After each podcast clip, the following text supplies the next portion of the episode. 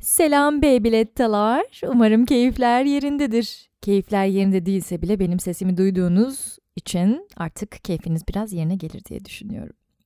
Bu aralar çok garip rüyalar görmeme rağmen neyse ki sabah uyandığımdaki psikolojimi etkilemiyor bu yoksa ben de birazcık keyifsiz olurdum. Rüyalarımdan en ilginci ise geçenlerde Sedat Peker'in sevgilisi olduğunu görmemdi. Yani nasıl bundan etkilendim bilmiyorum çünkü açıp videolarını izlemedim ama gündemde sadece o olduğu için sanırım bu ben fark etmeden bilinçaltımı etkiledi. Güvendiğim arkadaşlarım ve haber kaynaklarından ben daha çok takip ediyorum bu gelişmeleri.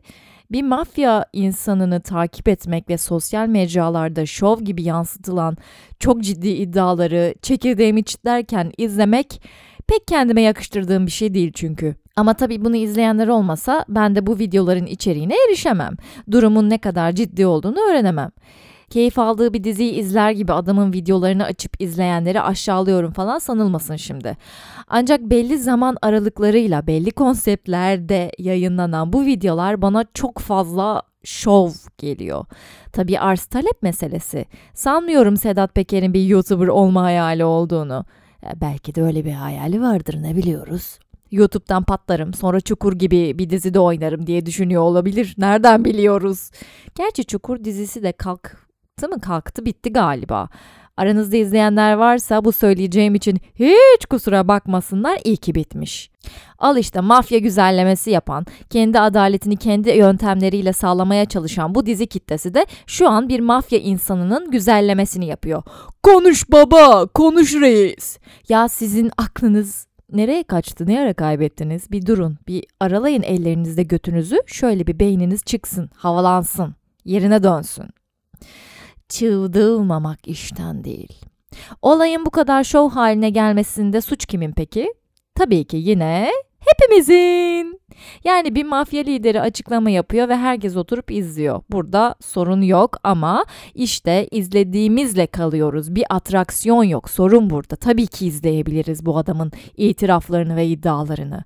Ama bu şova dönüşüyorsa sıkıntı ve sadece izlenilip kalınıyorsa, arkasından bir şey yapılmıyorsa bu sıkıntı. Adam itiraf kaseti hazırlıyor resmen ama işlem yapmıyor kimse. Ama bir siyasetçinin bir iş adamının seks kaseti çıksa öyle mi olurdu?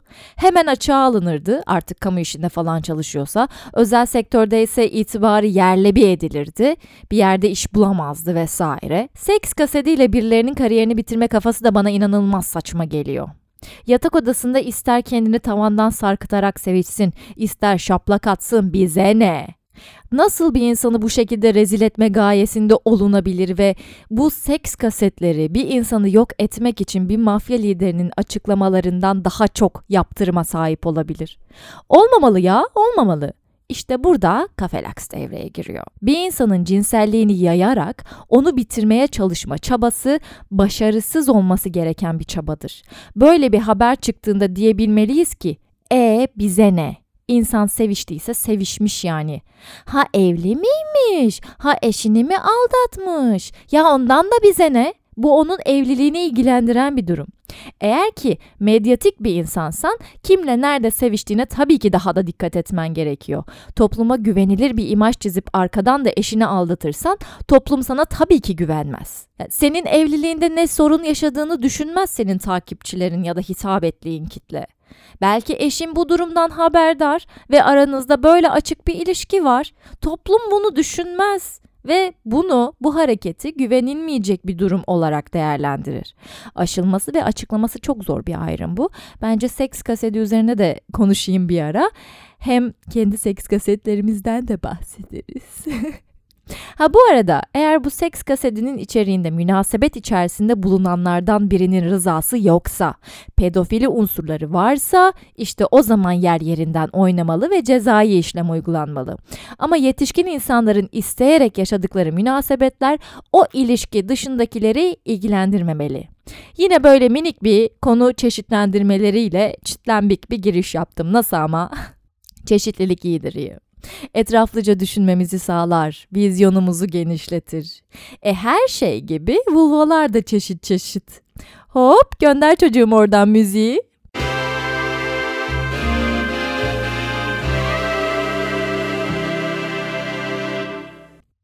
Vulva çeşitliliği.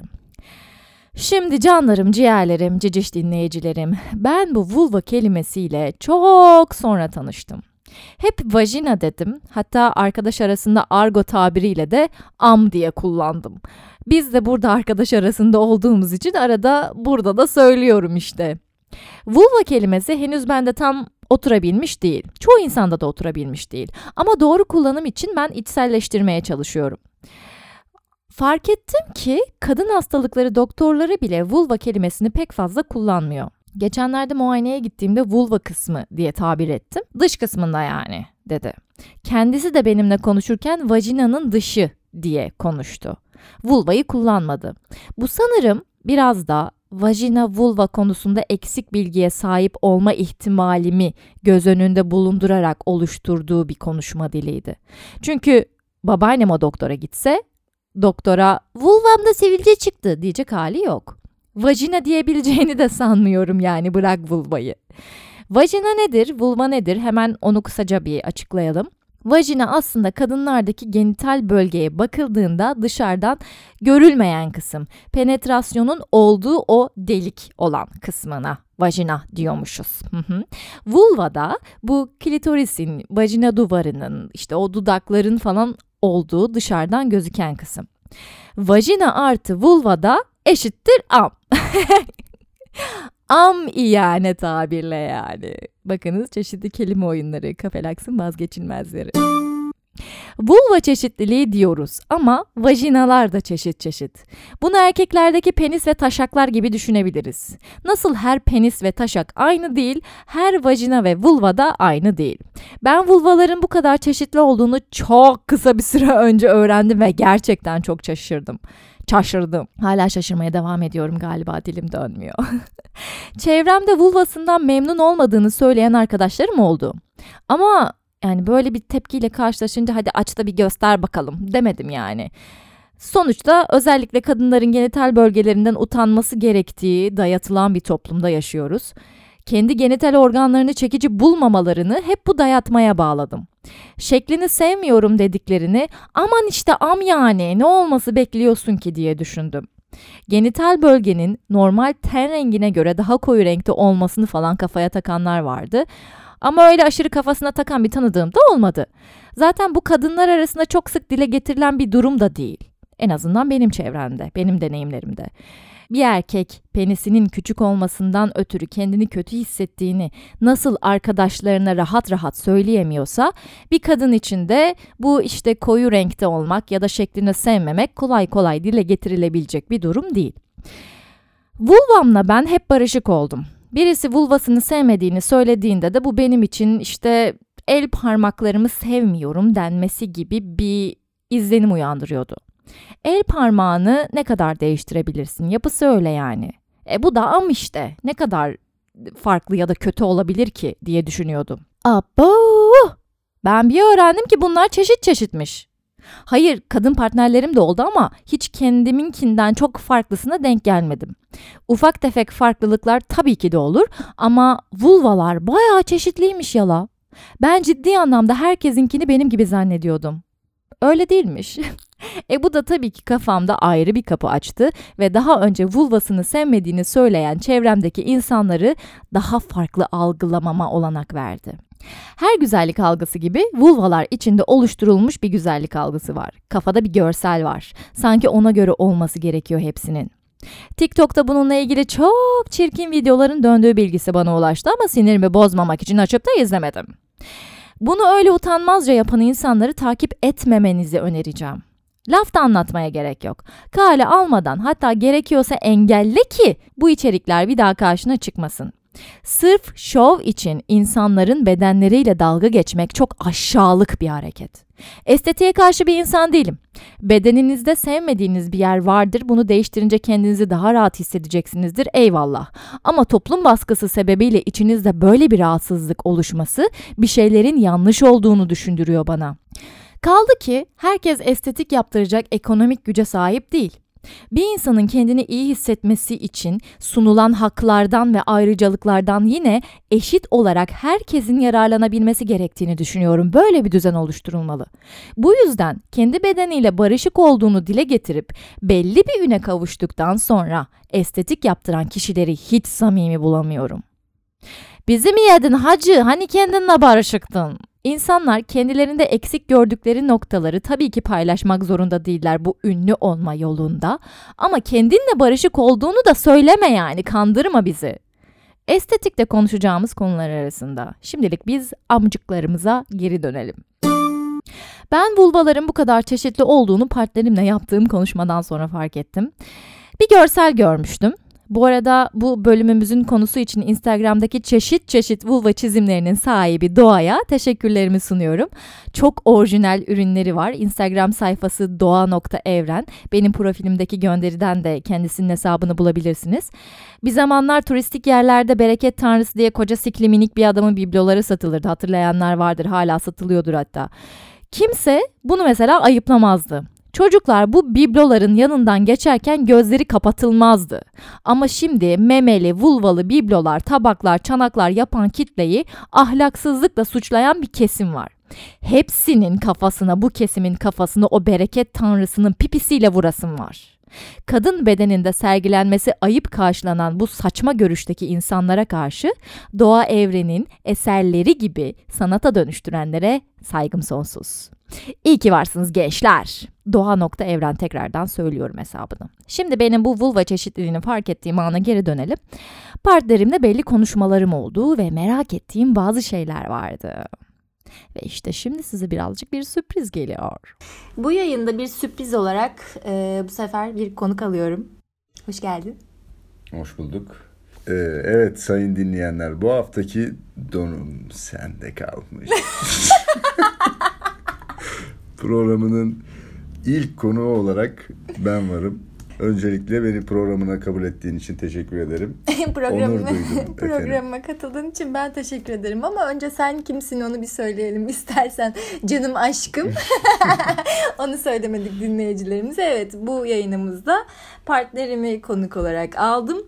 Vulva çeşitliliği ile ilgili bir erkek olarak ona sorularımı yönlendireceğim. Çünkü benden daha fazla vulva görmüştür herhalde kendisi şu zamana kadar ve erkeklerin bu konudaki daha doğrusu heteroseksüel erkeklerin bu konudaki düşüncelerini merak ettiğim için sorularımı ona yönlendireceğim. Hazır mısın sorularıma? Evet hazırım yolla bakalım. Şimdi vulvaların bu kadar çeşitli olduğunu ben bilmiyordum. Hatta bu bilgi beni gerçekten çok şaşırtmıştı. Herkesin vulvasını kendiminki gibi zannediyordum. Sen ilk cinsel hayata başladığında, seks hayatına başladığında mesela bu bilgiye sahip miydin? Bu kadar çeşitli olabileceği bilgisi var mıydı sende?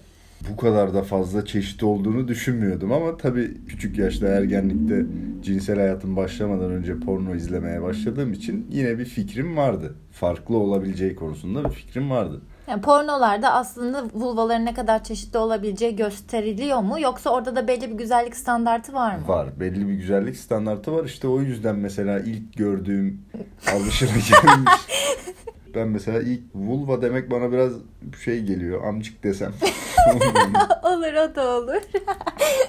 yani Biz bize şurada zaten. İlk gördüğüm e, alışılagelmişin dışında amcık gördüğümde evet yani bir şaşırmıştım. Çünkü pornolarda dediğin gibi belli bir kriter var. Hı hı. Nasıl erkek penisi de böyle inanılmaz hani şahbaz bir şeyse. Yani evet şu an yumruğunu havaya doğru kaldırıyor siz görmüyorsunuz. de erkek penisinde de çok komik olan penisler var. Mantar kafalı ne bileyim zigzag giden sağa sola yamulan. Ee, onu gördüğümde şaşırmıştım evet. Yani ama fikrim vardı soruna bu şekilde cevap verebilirim. Fikrim Anladım. vardı farklı olabileceği konusunda. Şimdi mesela penisler hakkında birkaç benzetmede bulundun. Vulvalar için de böyle bir benzetme. Amcıklar için de böyle birkaç benzetme varmış. Ne bileyim benim önüme gelenler ne mor çinnek, sonra katır tırnağı, keçi tırnağı, gül gül bör ne gül böreği mi ne öyle bir şeyler var yani. Biz mesela kadınlar olarak çok fazla penisi öyle şeylere benzetmiyoruz. Hani genel olarak yok patlıcandır, muzdur falan böyle benzetmeler kullanılıyor ama keçi tırnağı gibi de bir benzetmemiz yok. Yok artık o yani ne bu edebi vulva isimleri ne bileyim bunu kim yazmış anlamadım yani. Çok garibime gitti ama gül böreği güzel gül böreği gibi olanlar olabilir.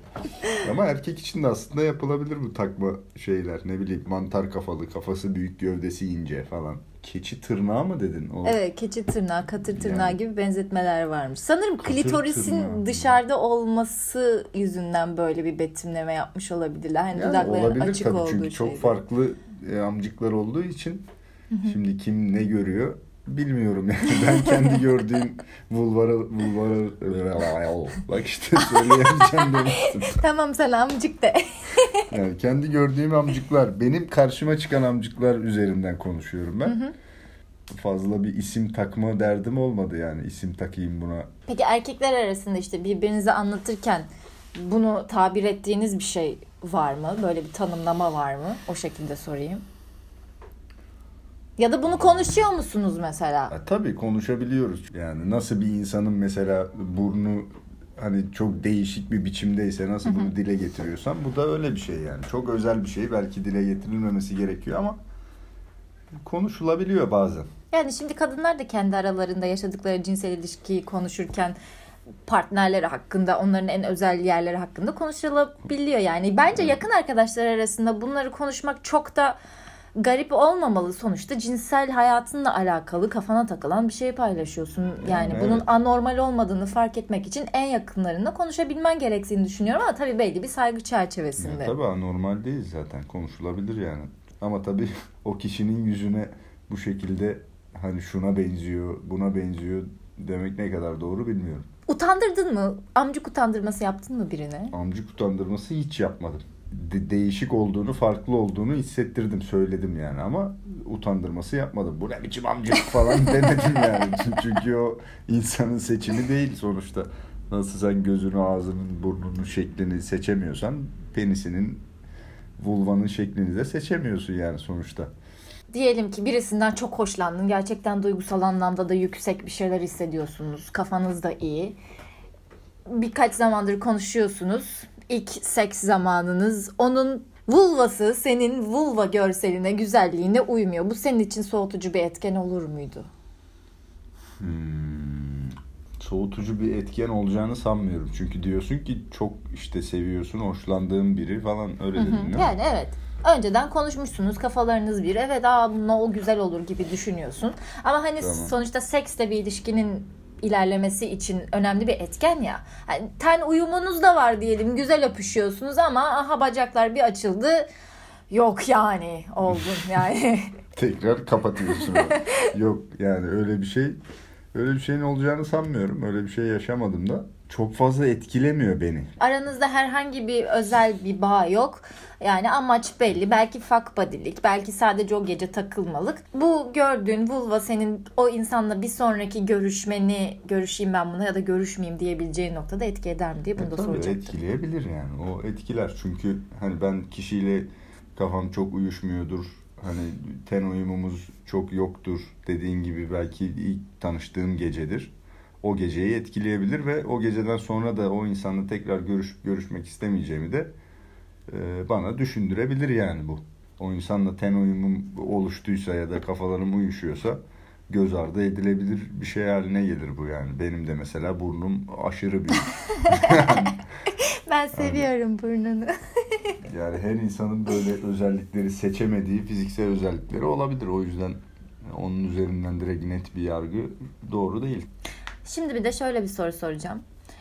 Ee, hiç duygusal bağ kurmak istemeyeceğim bir dönemde olduğunu farz edelim. Hı hı. Birisiyle tanıştın, yani kafalarınız o kadar da uyuşmuyor ama vulvasını çok sevdin. Tekrar bunun için görüşür müsün mesela? Vulvasını çok beğenip tekrardan görüştüğün bir kadın oldu mu? Bundan yani sevişmesi çok zevkliymiş ya falan diye.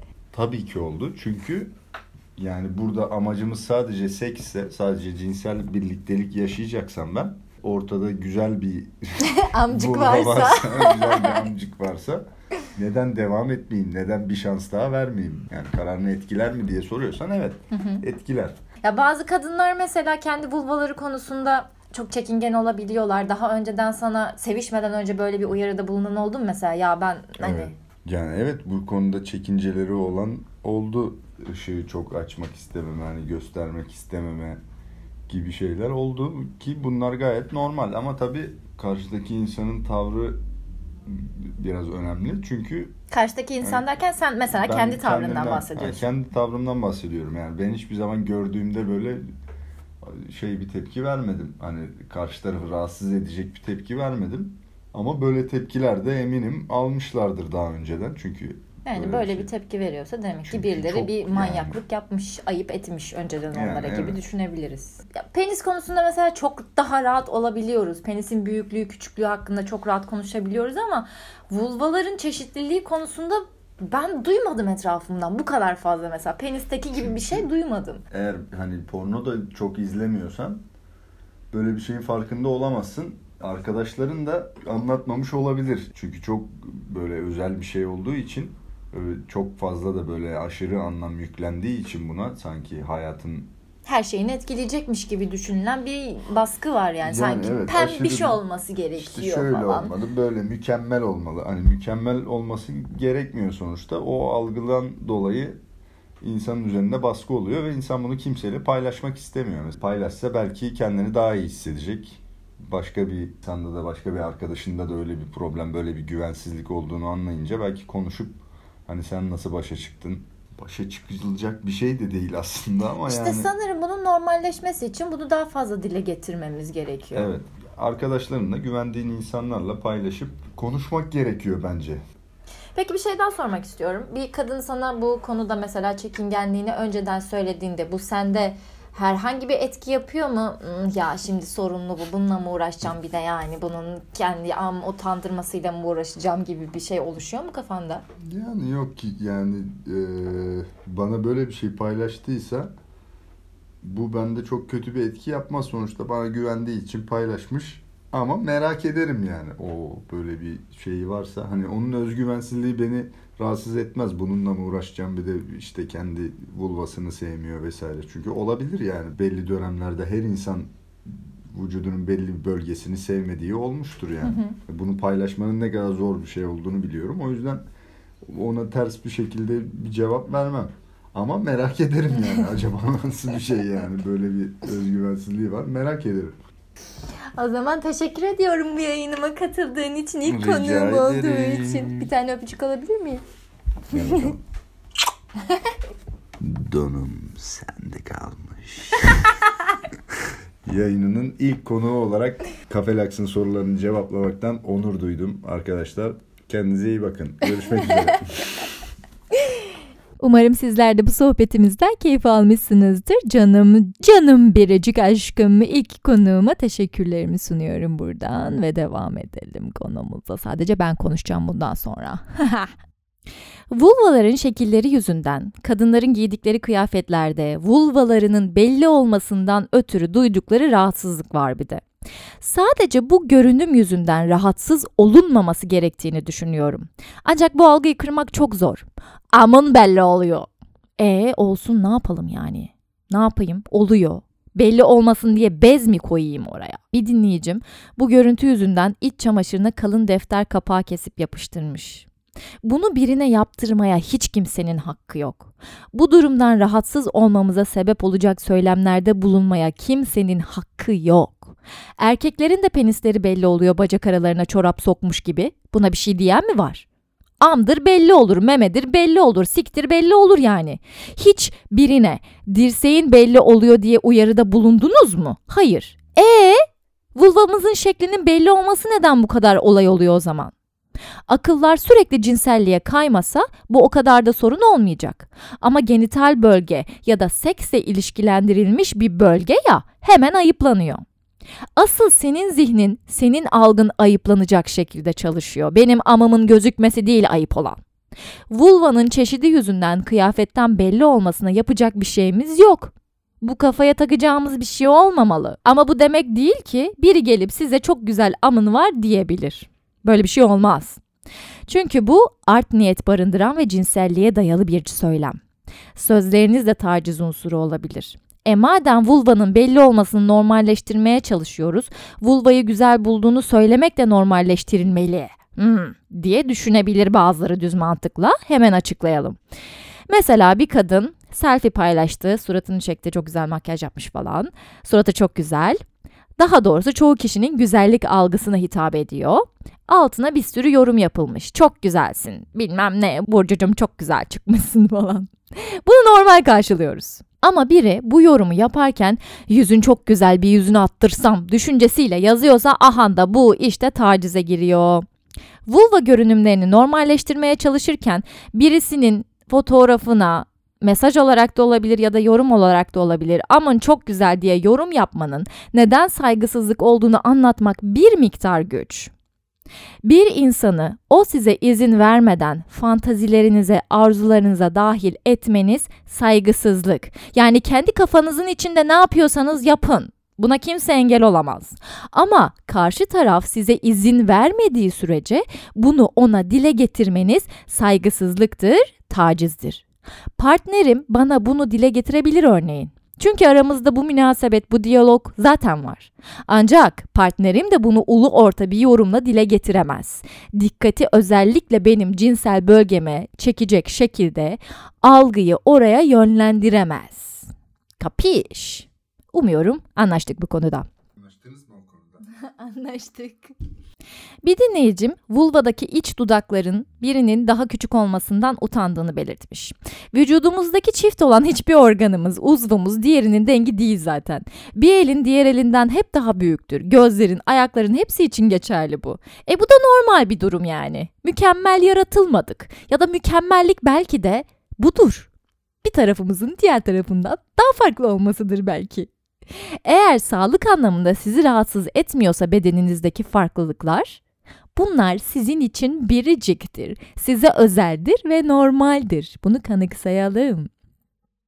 Vulva çeşitlerini anatomik olarak sınıflandıracak olursak, bu gerzekçe yapılan öküz götü çentiği gibi sınıflandırmaların dışında genel olarak dört farklı vulva sınıflandırması olmuş. Yani daha doğrusu vulvanın dudak kısımlarına göre yapılmış bir sınıflandırma bu. İşin içine klitorisi, vajina duvarını falan da katınca çok daha çeşitlenebiliyor. Dudaklara göre yapılan sınıflandırma kapalı dudak, açık dudak, asimetrik küçük dudak ve kıvrımlı büyük dudak olarak yapılmış. Hangisi daha iyi bunların peki? Hı? Tabii ki bu sorunun cevabı yok. Ya sizde hangisi varsa en iyisi o. Kendi amınız en iyisi, en güzeli sizinki. Herkesin amı güzel, kendine güzel, kendine özel. Böyle bir soruyu aklımıza getiren düzene de sıçayım zaten. Her amcık ayrı güzel ve her vulva kendine özel. Vulvanızın şekli orgazm konusunda rahatlık veya dezavantajda sağlamıyor anatomik olarak. Bunun ayrıntısına sezon 3'te falan anca geliriz. Çünkü benim de bu konu hakkında makaleler araştırıp belki bazı cinsellik sertifikaları alabileceğim kurslara katılmam gerekir. Şimdilik çoğunlukla kendi deneyimlerim ve yaptığım araştırmalar üzerinden konuşuyorum. Vulvanızın şekli itibariyle orgazm olmanızda herhangi bir engel olmamasına rağmen psikolojik olarak etkilenmeniz muhtemel. Ve birleşme esnasında vulvanızı sevmediğiniz için kasılıyor olabilirsiniz. Bu tabii ki de orgazmınızı etkileyecektir. Çünkü rahat değilsiniz ilişki sırasında. Ama bu durum tamamen öz sevgi ve kendini kabullenme ile ilgili bir durum. Ben size şimdilik sadece bu kafanızda oluşturduğunuz ben amamı sevmiyorum düşüncesinin yine sizin yarattığınız bir durum olduğunu söyleyebilirim. Amcıklarıyla barışık olmayanlar size de şöyle bir ödev verelim. Alın bir aynayı, açın bacakları, bakın vulvanıza. Vücudunuzun sevdiğiniz diğer yerlerinden ne farkı var ki? Birileri pembe renkli vulvaları daha çekici buluyor diye sizinki çirkin mi demek oluyor? Kim çıkarmış bir kere bunu? Sıkılmadık mı artık bize böyle dikte edilen güzellik algılarından? Hadi tamam götümüz büyükmüş taktınız. Selülitimiz varmış aşağıladınız. Kilo almışız veya çok zayıflamışız mana buldunuz. E amamıza da laf etmeyin ya bir zahmet. Yeterince sizle alakalı olmayan şeylerle ilgili görüş belirtmediniz mi size sorulmadığı halde? Bedeninizi sevin, vulvanızı sevin. Hayatınıza giren partneriniz eğer size vulva utandırması yapıyorsa onu da hayatınızdan çıkarın ya bir zahmet. Biliyorum etrafta bu kadar fazla bence amcık dediğin şöyle olmalı diyen çok kas kafa var ve bunların enerjimizi kötü etkilemesine izin vermemek çok zor biliyorum. Ama siz güçlüsünüz. İçten içe normal olduğunu bildiğiniz bir şeyi sırf başkalarının beğenisine uymuyor diye değiştirmek istemiyorsunuz aslında. Aranızda illaki birileri ben başkaları beğenmeyecek diye değil kendim de beğenmiyorum zaten diye düşünüyor olabilir. Ama bir gerçekten irdele bakalım bu düşünceni. Ne zaman vulvanı sevmemeye başladın? Acaba bunun aman kızım bacak aran gözükmesin. Sen kızsın namusunu saklaman gizlemen lazım. Evlenene kadar kimseyle paylaşmaman lazım. Ah ah ah dokunma orana hatta ağdaya bile gidiyorsun ya o bile günah gibi söylemlerin etkisi var mı bir düşün bakalım. Normal bir insanın vazgeçilmezi olan cinselliğin yaşandığı ve sana başka hiçbir organının veremediği zevki veren vulvana, vajinana ne zaman bu kadar yabancılaştın? Ne zaman onu sevmemeye başladın? Bir düşün bakalım. Önce kendini sevmekle başlıyor her şey. Zaman zaman sevmediğiniz anlar olabilir. Benim de oluyor. Kendimi çok çirkin hissediyorum. Bitkin, yetersiz, hımbıl hissediyorum. Ama biliyorum ki bu hisler geçecek. Belki bedenime zararlı bir şey yediğim için böyle hissediyorum. Belki beni üzecek bir olay yaşadım o gün ve hemen bunu aşamadım. Bunlar da normal. Her an sevgi dolu olun, kendinizi sevmediğiniz günlerde de inatla zorla kendinizi sevmek için çabalayın demiyorum. Böyle zorlama olmaz, içten gelmesi lazım.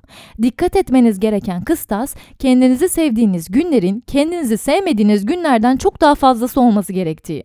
Bu bedende, bu bilinçte bir kere geliyoruz ya dünyaya. Belki tekrar tekrar aynı hayatı yaşıyoruzdur kim bilir. Ama ben önceki hayatlarımı hatırlamıyorum. Eğer olacaksa bir sonraki hayatımda da şu anki hayatımı hatırlayacağımı hiç sanmıyorum. Elimde şu an var, bu beden var, bu bilinç var ve bunu en iyi şekilde değerlendirmeliyim. Hemen bir dinleyicimin sesiyle devam edelim. Merhaba Kefal Alex. Seni çok seviyorum. Seni bulduğum için, dinlediğim için kendimi ayrıcalıklı hissediyorum. Ee, konumuza dönersek bir flörtüm vajinamın daha açık renkli mi koyu renkli mi olduğunu sormuştu. Ben bunu duyunca bir küçük şoklar geçirdim. Nasıl yani? Hani bunda mı önemi var? Ne önemi var ki? Neden soruluyor gibi hangisi daha iyi erkekler için. Küçük yaştaydım biraz. O yüzden bunu çok taktım. Ve e, koyu renkli olan vajinanın benim hoşuma gitmeyeceğini falan söyledi kendisinin. Ben de çok depresyona falan girmiştim. Yani nasıl yani bunda mı yapıyorsunuz yani bulmuşsunuz buluyorsunuz gibi bir şeye girmiştim. Çok gereksiz ve kendimi kötü hissetmiştim. Bunu söylemek istedim. Teşekkür ederim. Kendini ayrıcalıklı hissetmeni sağladığım için oldukça mutluyum. Bence herkes ayrıcalıklı hissetsin diye beni arkadaşlarınıza, çevrenizde çok daha fazla paylaşabilirsiniz. Bunu da buraya sıkıştırdım. Kafelax bak beni takip edin Instagram'dan daha fazla kişi duysun. Katılım sağlayın, ses gönderin, kızdırmayın. Neyse hazır yeri gelmişken bu genital bölgedeki kararmalardan bahsedelim. Koltuk altı ve genital bölgede vücudun diğer bölümlerine göre kararmalar olabiliyor. Daha farklı bir ten rengi olabiliyor. Bu konuyla ilgili yaptığım araştırmalarda en doğru gözüken sebep yani kararmaya neden olan durum hormonal dengesizlik. Doğum ve doğum kontrol hapları da genital bölgede kararmaya sebep olabiliyormuş. E sonuçta doğum ve bununla alakalı hap kullanımı da hormonlarla ilgili bir durum olduğu için mantıklı. Bazı hastalıklar yaşın ilerlemesi de etkiliymiş. Bir de epilasyon çeşidinin ve genital bölgenin tahriş olmasının falan kararmaya sebep olduğu bilgisine ulaştım ama kendimden biliyorum.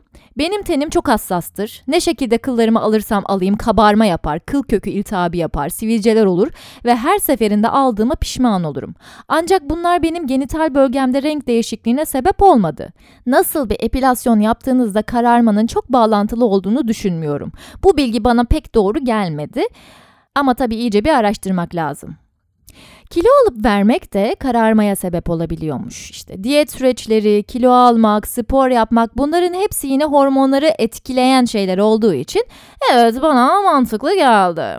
Yaptığım araştırmalarda hangi hormonun fazlalaşması veya azalması yüzünden bu kararma gerçekleşiyor ona dair bir bilgi bulamadım. Eğer aramızda varsa kadın hastalıkları uzmanlığı üzerine tez yazmak isteyen bence bu güzel bir konu olabilir. Genital bölgenizde aşırı bir kararma olduğunu düşünüyorsanız ve bu sizi rahatsız ediyorsa bence bir hormonlarınıza baktırın derim. Ancak özellikle yaşla birlikte kararmanın olması da gayet normal. Beyazlatmak için evde kendi kendinize yöntemler uygulayıp vajinal floranızı bozacak atraksiyonlara da sakın ha sakın girmeyin.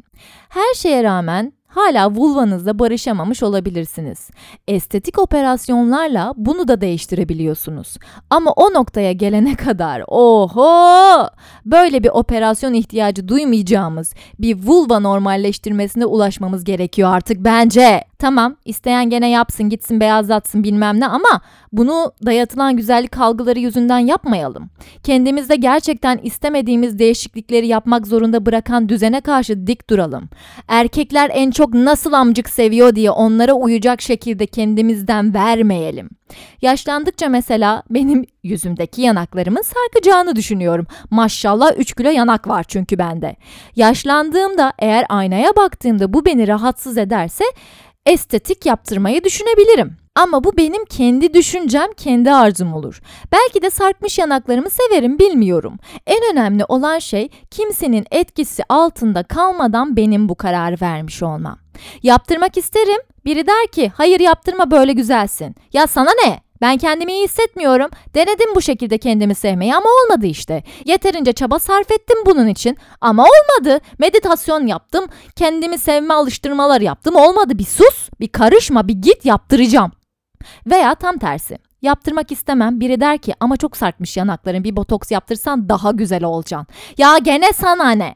Ben daha güzel olmak istemiyorum belki. Olduğum halimi seviyorum. Sana ne? Vulva şekli yüzünden ağda yaptırmaya gitmeye utananlar bile var aramızda. Delirmeyin bebişlerim. Hepimizin vulvası normal. Bir süre genital bölge ağdası yapan, kuaförde çalıştığını belirten bir dinleyicim var mesela. O çalışma süresince fark etmiş ki ne kadar çeşitli vulva var be demiş. Ağda yaptırmaya gitmeye çekinenler için diyorum. Kuaförün umrunda değil sizin amcığınızın şekli. Çünkü o zaten kafasında bunu çoktan normalleştirmiş durumda. Bir dinleyicimde de farklı bir sıkıntı varmış. Kendisi tam medikal ismini hatırlayamadı ama genel olarak şu şekilde geçiyormuş. Labiyaların şişmesi diye geçiyormuş. Bu hastalık ne ona ne de partnerine zarar veren bir şey değilmiş. Sadece böyle bir durum var işte. Tam olarak neye etki ediyor ben de bilmiyorum ama görünümle alakalı bir sıkıntıya sebep olabiliyormuş. Şimdi ne kadar ne kadar farklı bir sıkıntıya sebep oluyor bilmiyorum. Belki bizde de vardır ve bu genel bir şeydir. Bir partneri bu dinleyicimdeki hastalığı duyup ondan uzaklaşmış. Bence bu hareket hiç hoş olmayan bir şey. Önce bir dene gör yani. Suratında sivilce çıktı diye sevgiliyi bırakmak gibi bir şey bu. Ha bu olamaz mı? Çok mu garip bir şey? Bu da kötülenecek bir şey değil aslında. O kişinin insanları sınıflandırma kıstası sadece bu kadar basit. Böyle basit kıstasları olan bir insanla ne kadar birlikte olmak isteyebilirsiniz siz de zaten. Olmak istemezseniz de o kişiyi gitsin yani ne yapalım kendi gibi kendi düşüncelerini kendi basit kıstaslarına uyan başka birisini bulsun. Vajina darlığı ile ilgili birkaç soru sorulmuş. Bu başka bir podcast konusu olsun.